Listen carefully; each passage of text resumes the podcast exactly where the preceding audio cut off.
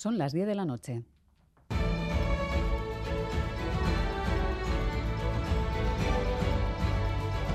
Radio Euskadi y Radio Vitoria. Servicios informativos.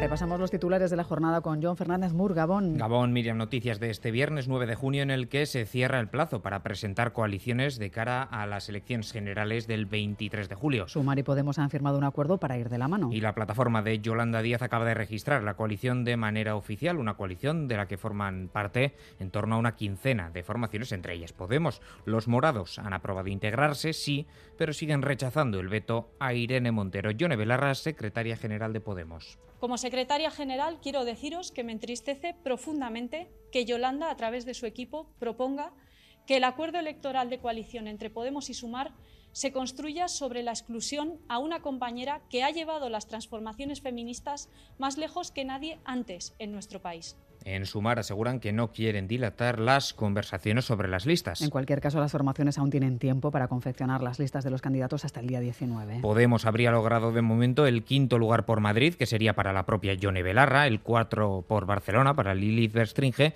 y serían los cabezas de lista tanto en Navarra con Idoya Villanueva como en Guipúzcoa y Araba con Pilar Garrido y Roberto Uriarte respectivamente. La Junta Electoral ha ampliado el plazo para votar por correo hasta el 20 de julio. Y Correos recomiendan no dejar los trámites del voto por correo para última hora, pues están recibiendo más solicitudes que en eh, comicios anteriores debido a la época estival en la que se celebrarán. El último día para solicitarlo, ya sea por la web o en una oficina, es el 13 de julio y esta vez habrá que presentar el DNI también a la hora de votar. En las oficinas de correos se nota la gran afluencia de gente ya para pedir el voto. Al ser en verano, aunque no estoy de vacaciones, pero decido por comodidad, eh, por si acaso estoy de fin de semana fuera o así, votar por correo. En mi caso es la primera vez y lo he hecho porque si todo va bien espero estar de puente. Sí, es la primera vez. La razón es porque estoy embarazada y es posible que esté de parto en esas fechas y bueno, quiero asegurarme que puedo votar.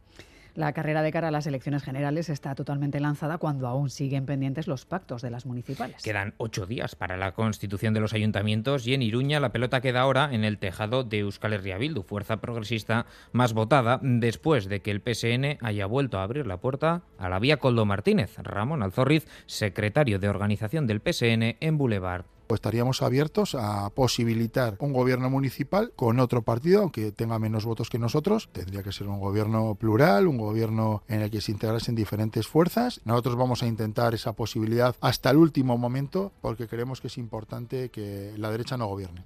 Pacto a cuatro que pide Guero Abay. Aquí en Gambara, el propio candidato Coldo Martínez ha insistido en la necesidad de ese pacto progresista. Claro, cuando, cuando el empecinamiento en tus palabras lleva a que el, a que el 55% de la ciudadanía de Pamplona que ha votado progresista tenga en el ayuntamiento como alcalde a alguien de un grupo de derechas, a un grupo además eh, pues yo creo que tenemos, en fin, todos deberíamos de hacer un esfuerzo importante. ¿Quiénes? Las cuatro fuerzas. Los sindicatos de la Archancha se han reunido con el movimiento Erchañas en Lucha. La finalidad era la de transmitir una imagen de unidad, pero ha sido imposible. Erne Anisipe han emitido un comunicado conjunto en el que las diferencias con la plataforma sindical quedan patentes en la nota. Los tres sindicatos acusan a Erchañas en Lucha de tener en todo momento una posición puramente figurativa y de querer someter a los sindicatos a las decisiones de esta nueva asociación. Rematan con un hasta aquí hemos llegado. Llama la atención que el sindicato Euspel, que hasta ahora también estaba integrado en esa unidad sindical, no ha firmado el texto. Horas antes, Erchañez en lucha también emitía una nota titulada Día Triste en la que se lamentaban de que los sindicatos no hayan visto con buenos ojos figurar juntos en esas distintas acciones reivindicativas y por otro la negación de que todo el colectivo pueda votar la propuesta del Departamento de Seguridad y no solo los afiliados.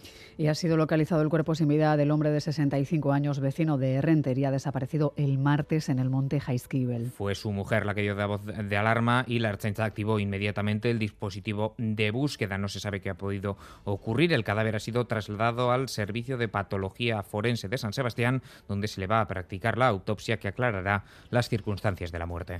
Es todo, así terminamos. Más noticias en una hora y en todo momento en itv.eus y en la aplicación ITV Albisteac. Geroarte.